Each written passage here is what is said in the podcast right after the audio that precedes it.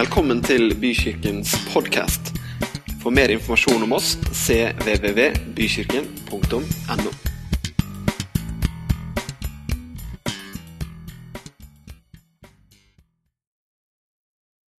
I dag så skal jeg dele noen vers fra Bibelen med dere.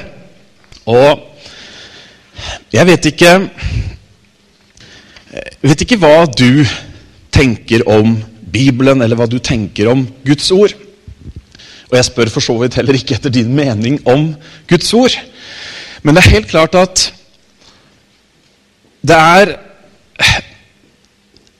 helt nødvendig for oss som troende at Guds ord på e- den ene eller den andre måten eh, forkynnes oss eller deles med oss. Det er sånn at Gud han ønsker at vi ikke bare skal ha en hodekunnskap, sånn at vi kan referere skriftsteder og kunne deler av Skriften utenat. Men Gud han er en levende Gud. Hans ord det er levende, og jeg håper at du også er levende. Er du levende, så er du også et ekte menneske. Og er, Vi sang her 'Du har alt det jeg trenger på veien til himmelen'. Jeg vet ikke om du noen ganger føler at du har behov for ting. Kanskje dumt å spørre om i et av eh, verdens mest materialistiske land. Men vi har behov for ulike ting, enten det er fysiske ting, enten det er eh, sikkerhet, eller det ene eller det andre.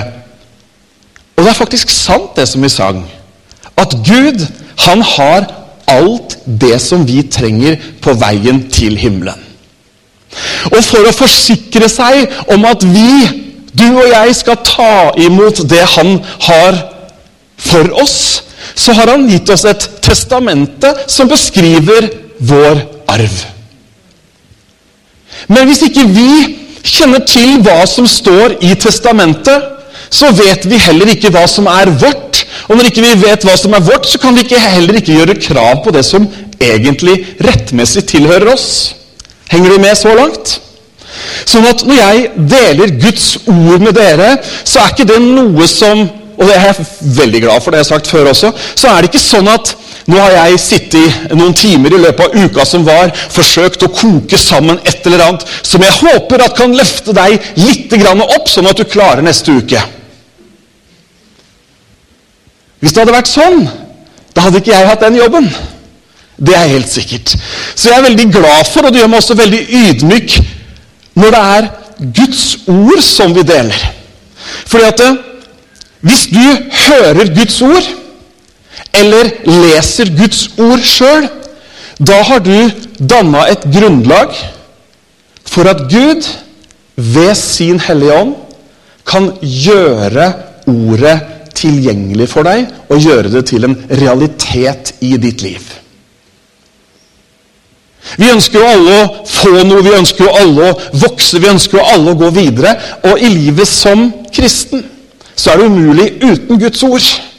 Guds ord er selve byggesteinen. Det er det vi faktisk må ha. Vi bare må ha det dersom vi skal vokse i kjennskapen til Gud, om vi også skal vokse som troende mennesker.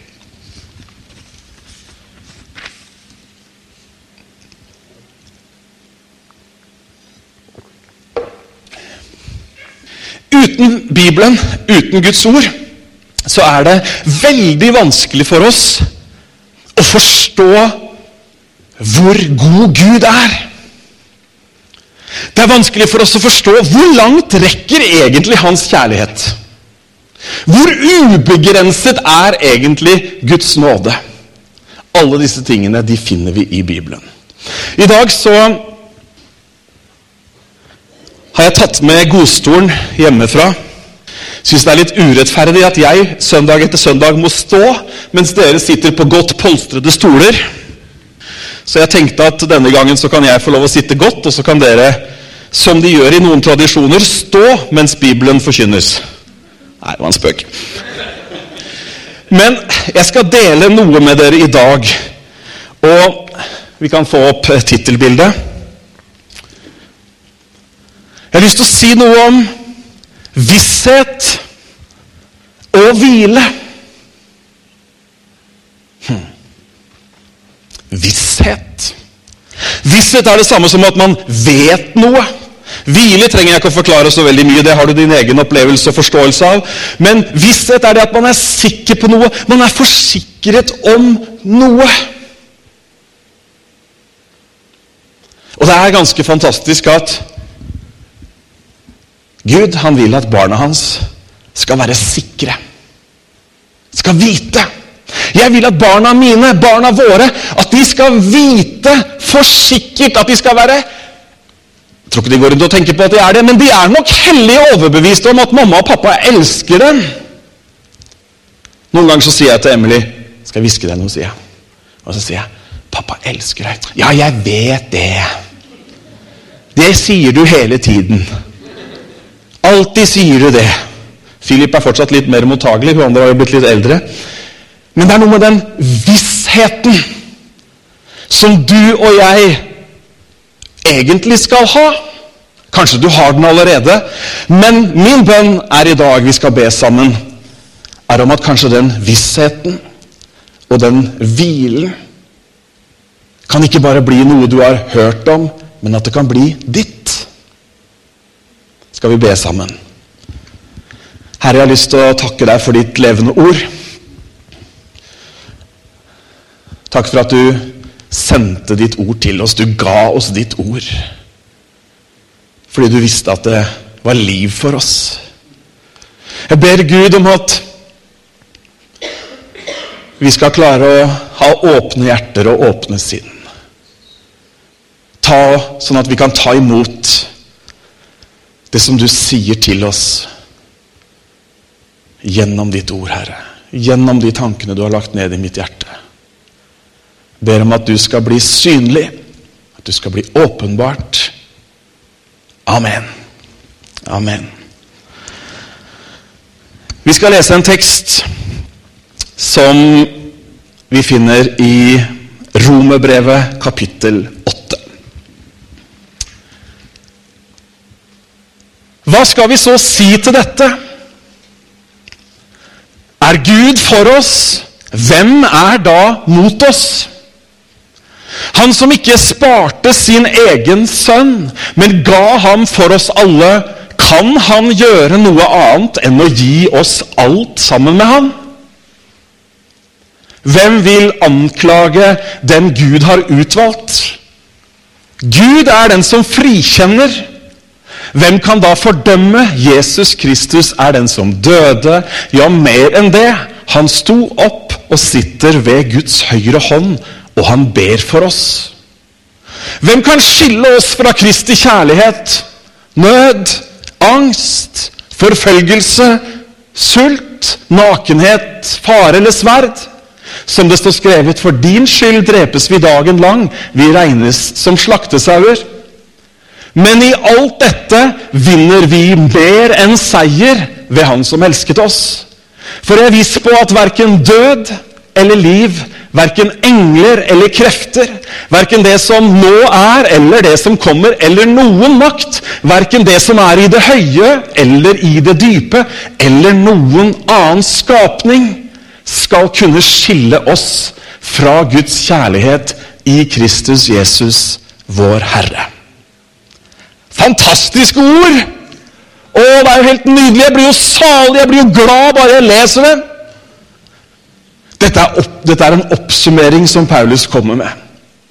Her har han i romerbrevet undervist om hvordan vi som mennesker er. Han har undervist hvordan vi har en menneskelig natur. Og så har han undervist om det livet som strømmer inn i den troende, som tar imot Jesus og Den hellige ånd. Og så konkluderer han med dette.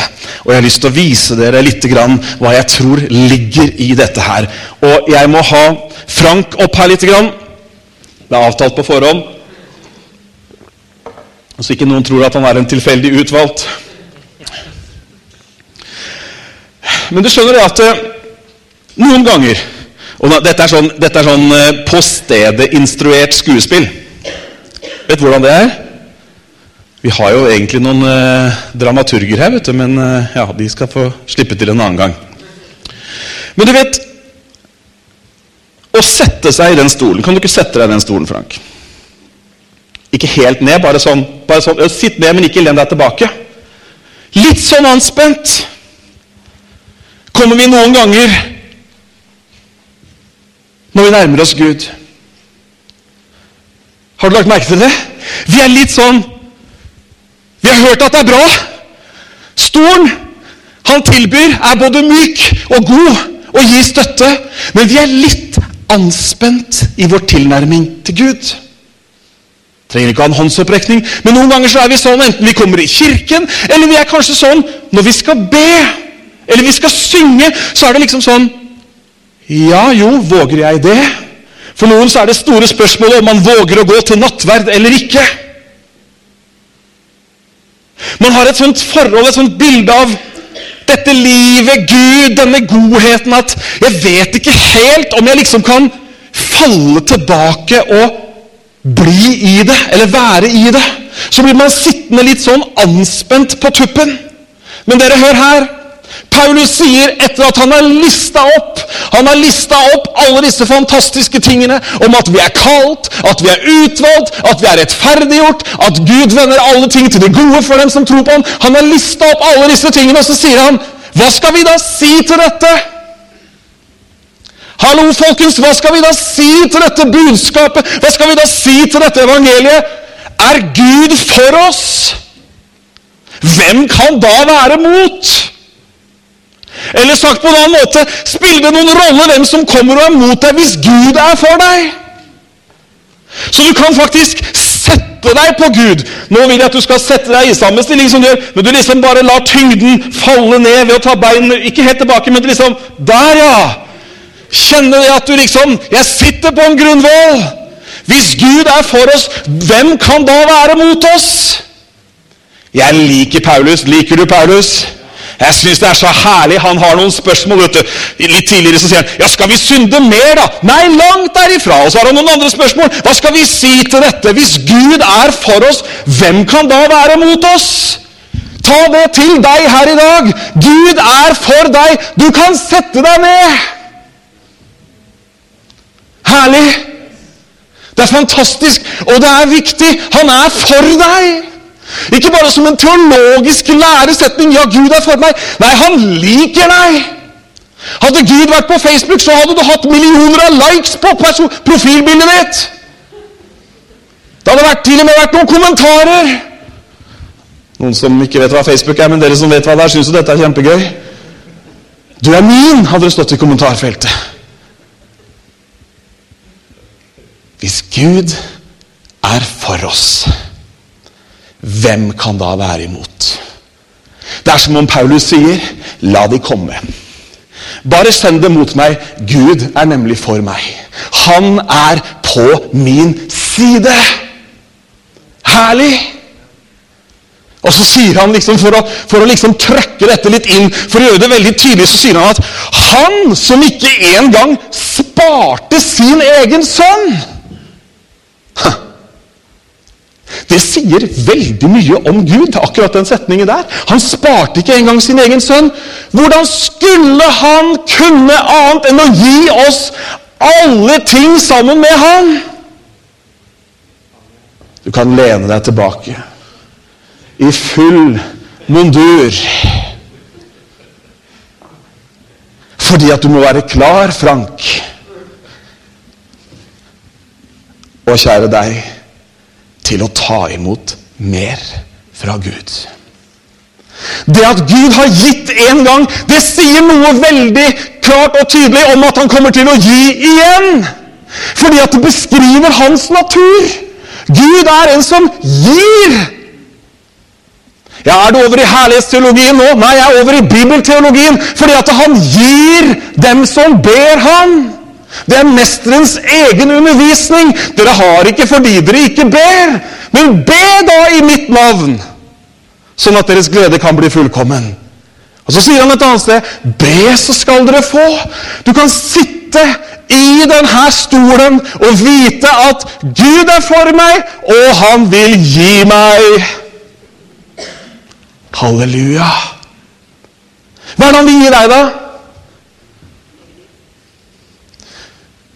Ja da, nå kommer det noen fine forslag her. Jeg kan oppsummere forslagene med å si han vil gi deg det du trenger. Det du trenger. Ikke tenk på at dine bønneemner, dine, dine, ønsker framfor Gud, skal være teologisk korrekte. Han vil gi deg det du trenger. Hva trenger du?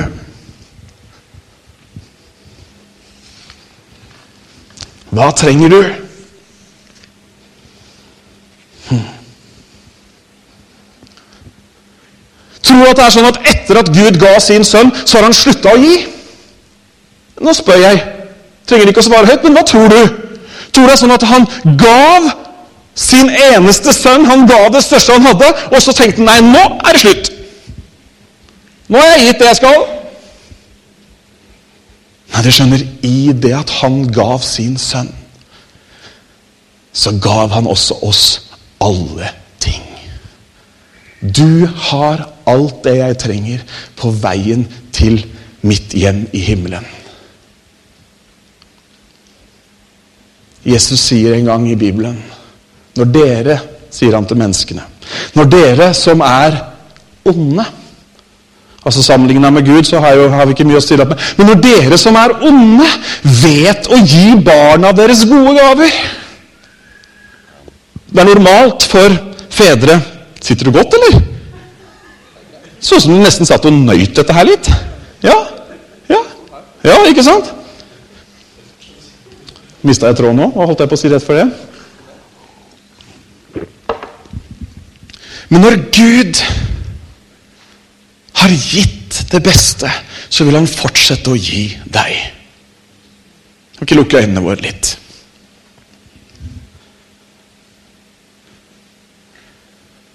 Så kan du uten å bruke lyd og taleorganer tenke på å sette ord på det Gud trenger, på det du trenger fra Gud.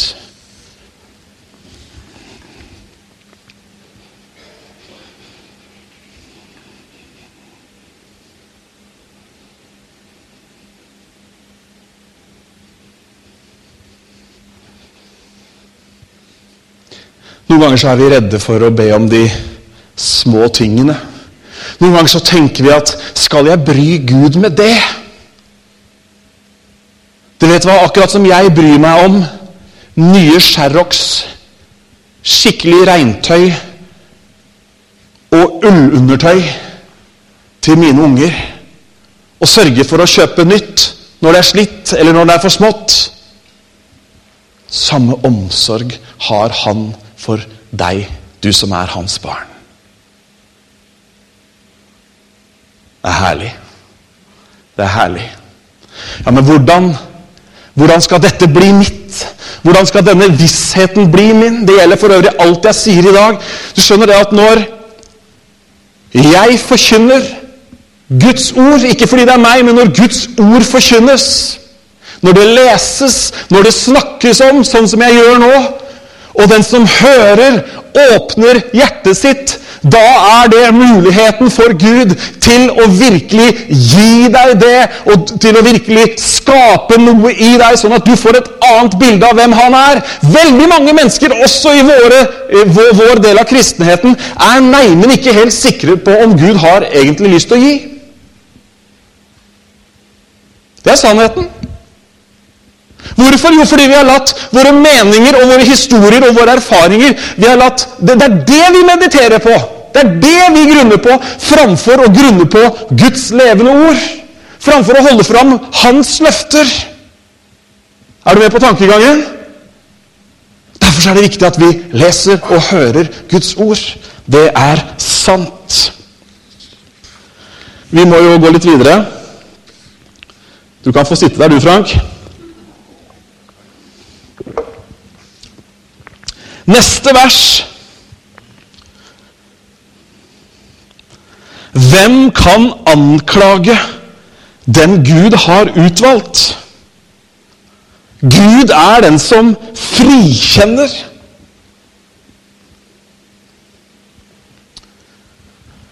Vet ikke om du fra tid til annen kjenner at du er litt sånn eh, anklaget?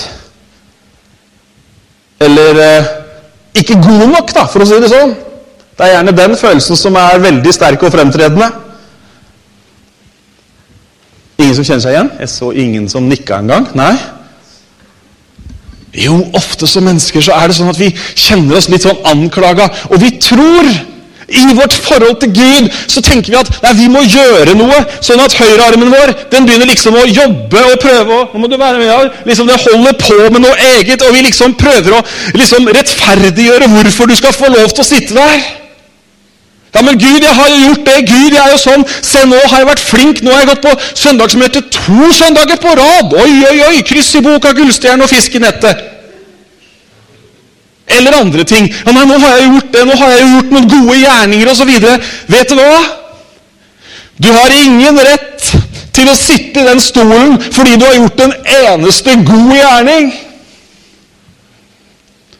Om du er et godt og snilt menneske, om du er en mønsterborger av dimensjoner, om du er den som Erna Solberg ville vise fram når hun skulle vise det sånn er det norske mann og kvinne, så hadde det ikke hjelpa noen ting. For det er Gud som frikjenner. Det er Han som sier at du er rettferdig. Ikke pga. noe du kan gjøre, men fordi at du tror på Han.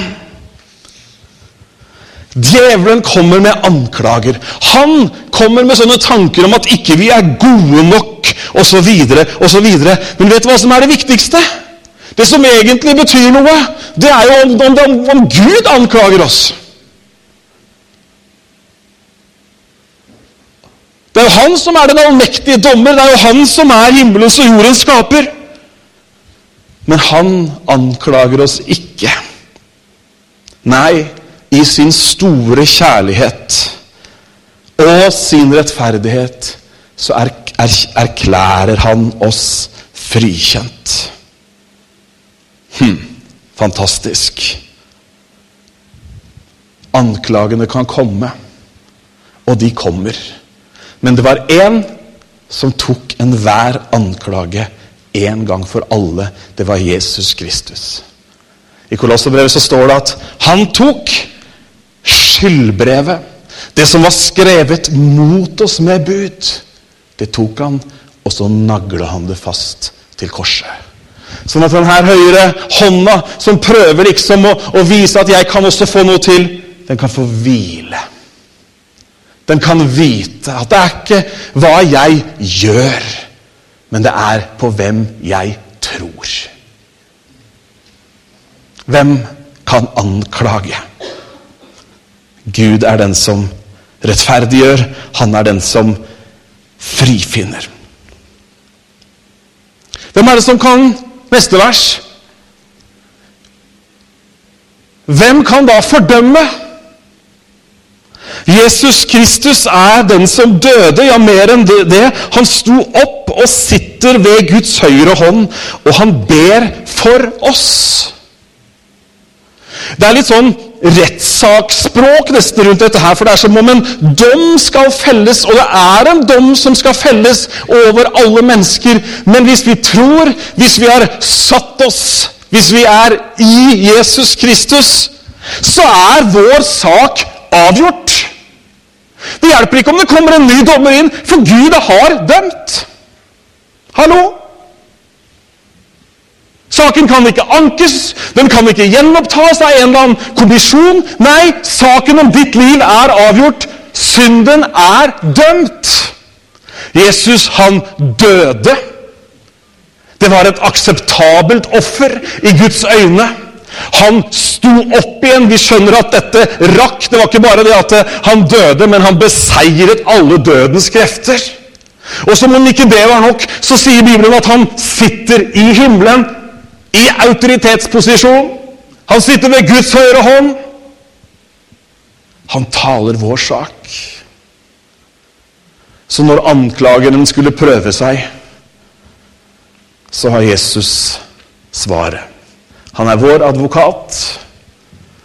Den du anklager, er fri fordi han tror på meg. Fantastisk.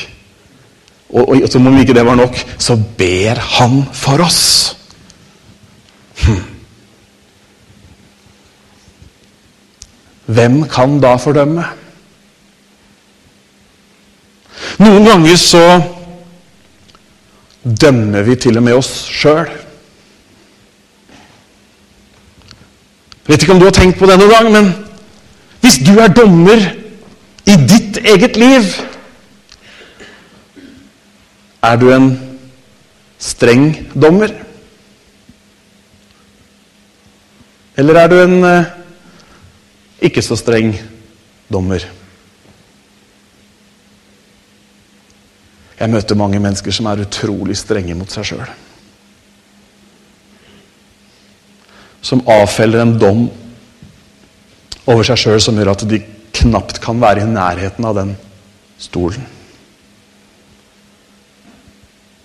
I hvert fall så er dommen sånn at de sitter litt på kanten og lurer litt på om jeg kan. Bibelen sier at selv om vårt hjerte fordømmer oss, så er han større enn vårt hjerte.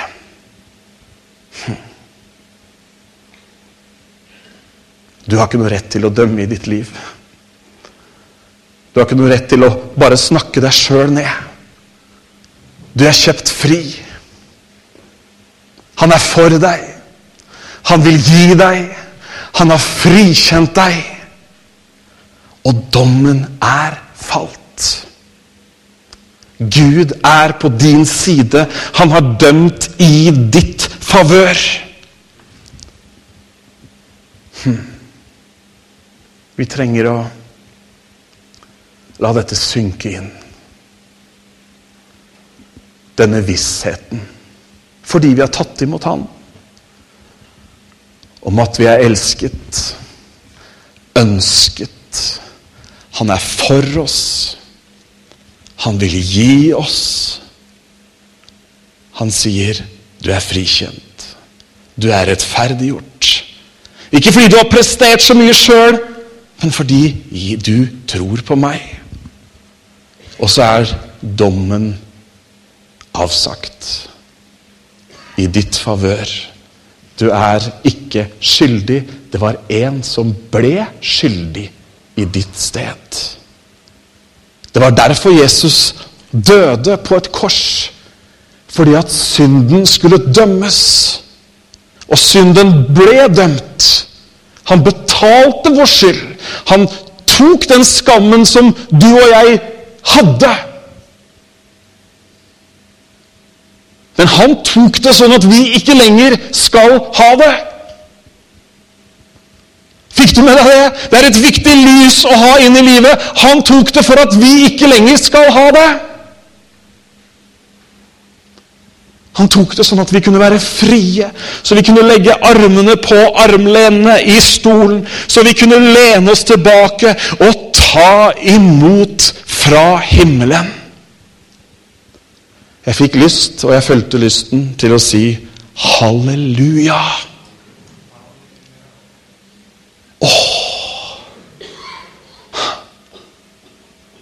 Paulus skriver disse brevene, og jeg anbefaler deg så sterkt som jeg kan Grav deg ned i romerbrevet noen dager. Det er helt fantastisk. Han beskriver den kampen mennesket står i, på en så levende måte. Om denne synden som vi kjenner, eller det som ikke har med Gud å gjøre, som vi kjenner forsøker å dra oss ned. Og han beskriver den der fordømmelsen, den derre 'Å, hva skal jeg gjøre?' Men så sier han i Romerbrevet 8.1 så er Eller jeg kan lese det for deg, så du får det helt ordrett.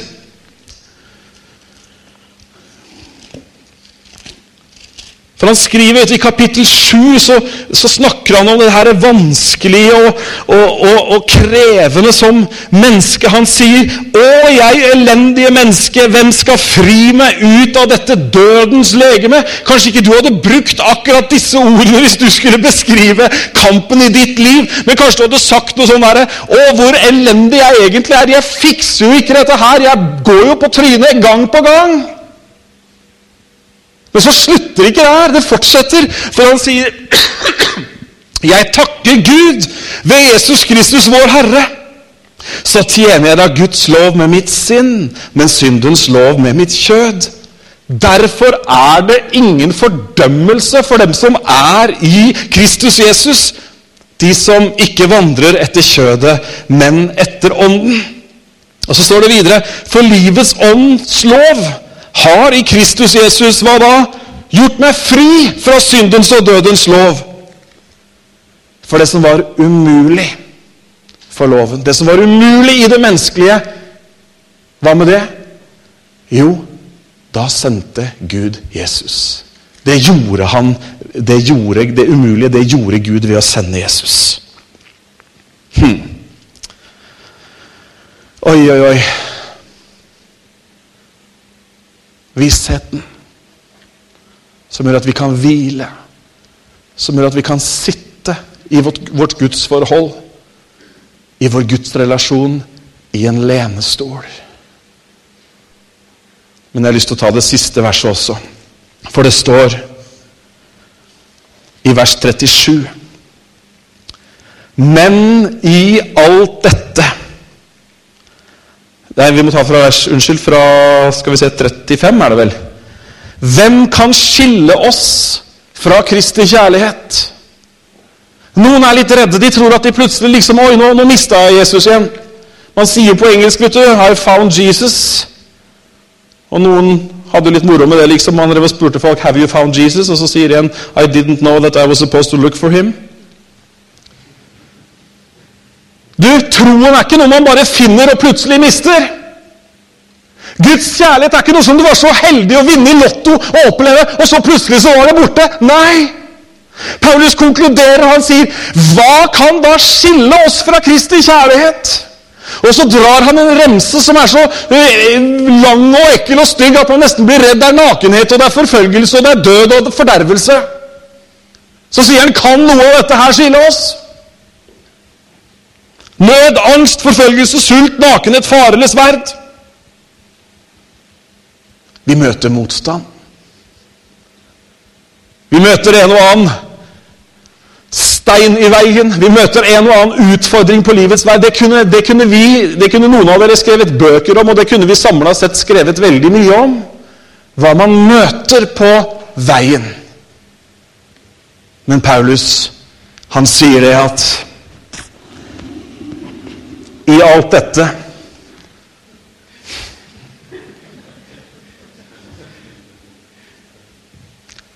I alt dette så vinner vi mer enn seier.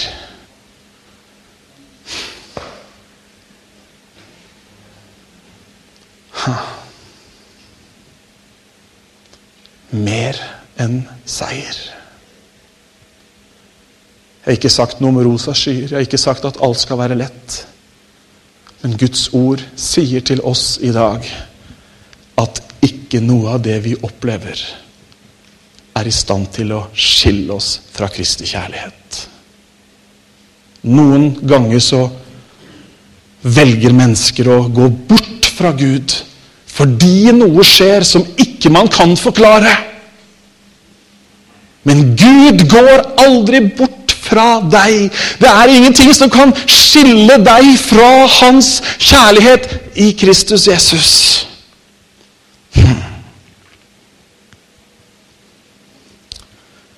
Men i alt dette vinner vi mer enn seier ved Han som elsket oss.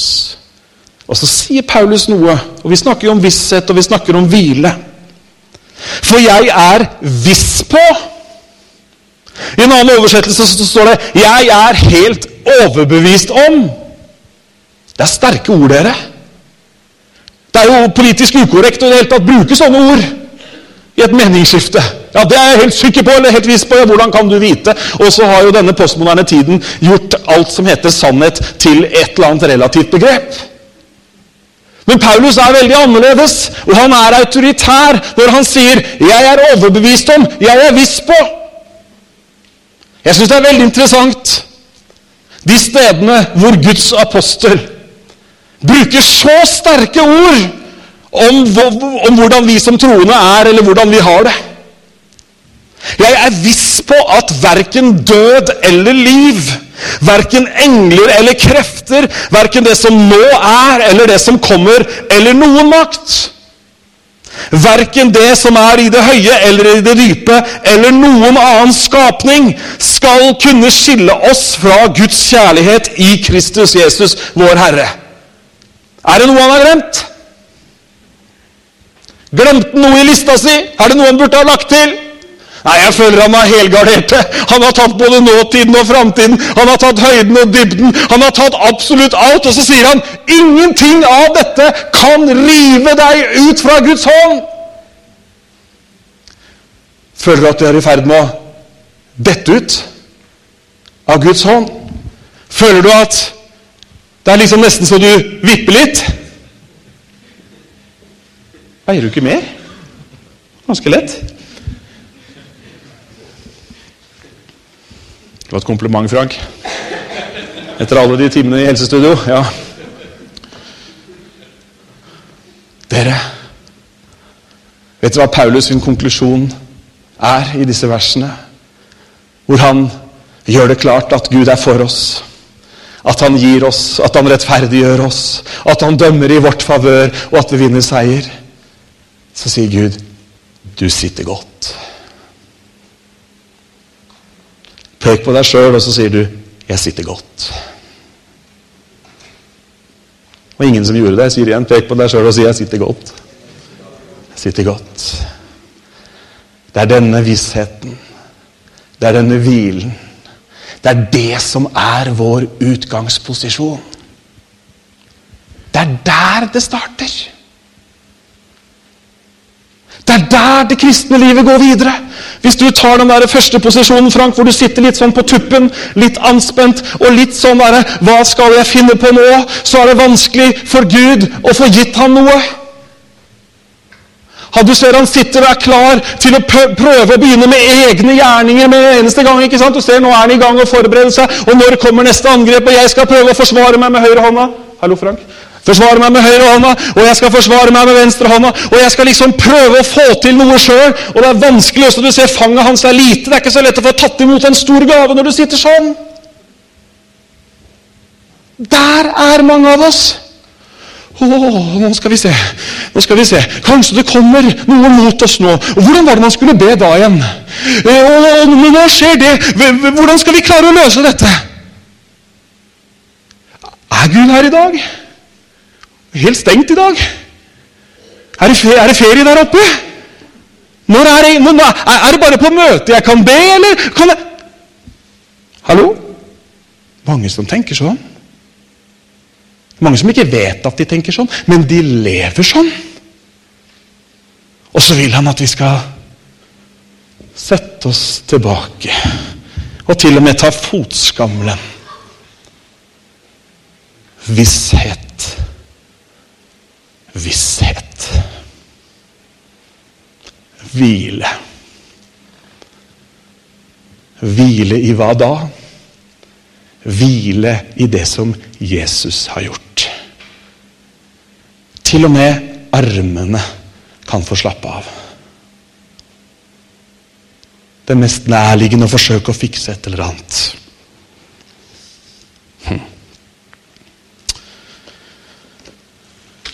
Tusen takk, Frank. Fortjener en applaus for eh, denne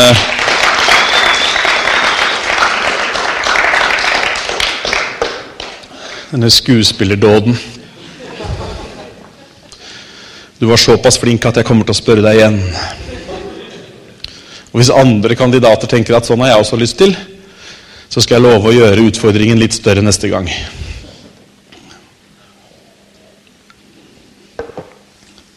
Visshet.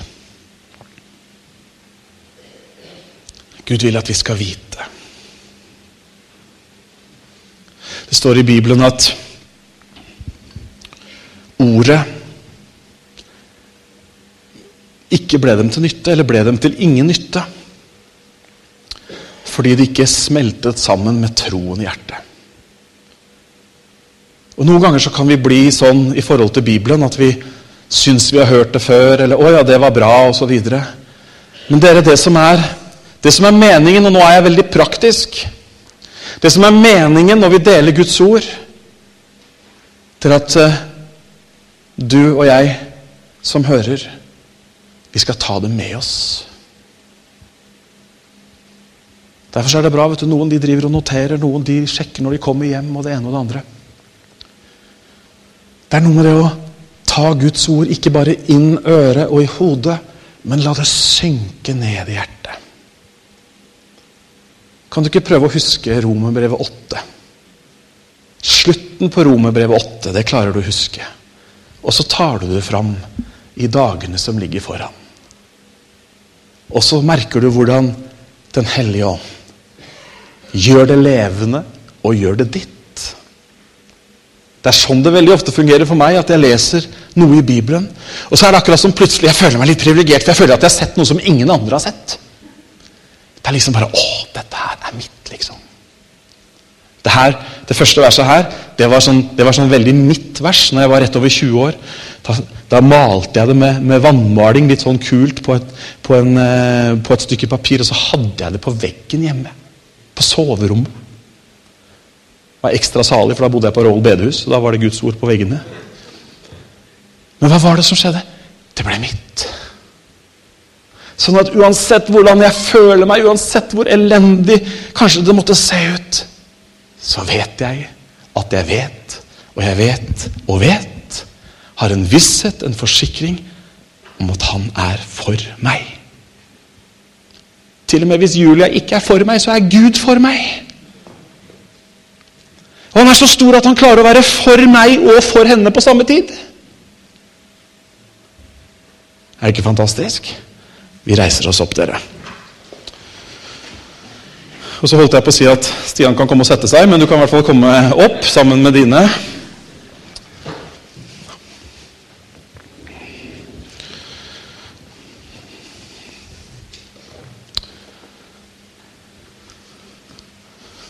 Har du lyst til at dette her skal bli en visshet i ditt hjerte? Har du det? Skal vi be sammen? At dette skal synke inn. Vi skal bare holde hendene oppe. Vi rekker dem mot Gud som et tegn på at vi vil ta imot det som Han har for oss. Han har alt det som vi trenger på veien til himmelen.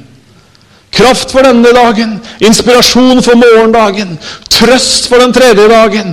Alt hva som du måtte trenge, det har han. Å, Herre, jeg takker deg for at du er for oss. Takker deg for at du er på vår side. Takk at du som ikke sparte din egen sønn, du vil gi oss alle ting. For du gir, og du gir, og du gir. Takk, Herre, for at du metter.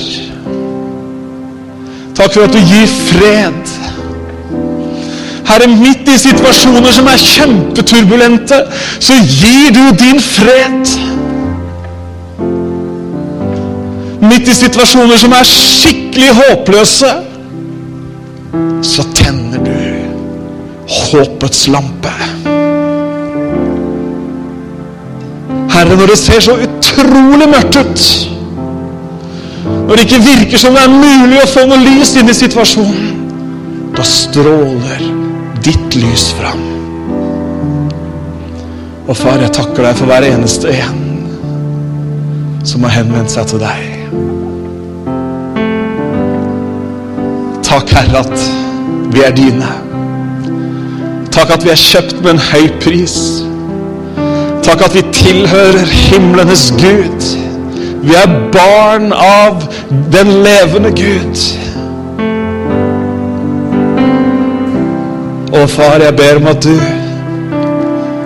ved din gode Hellige Ånd tar ordet som har blitt forkynt i dag, så gjør du det levende.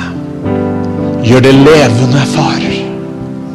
Gjør ditt ord levende i hvert eneste menneskes liv. Ditt ord som viser vei, ditt ord som er et lys. Takk at du gjør det levende. I Jesu mektige navn. Amen. Amen. Kan du bare, Mens vi låssynger litt, kan du bare takke Herren.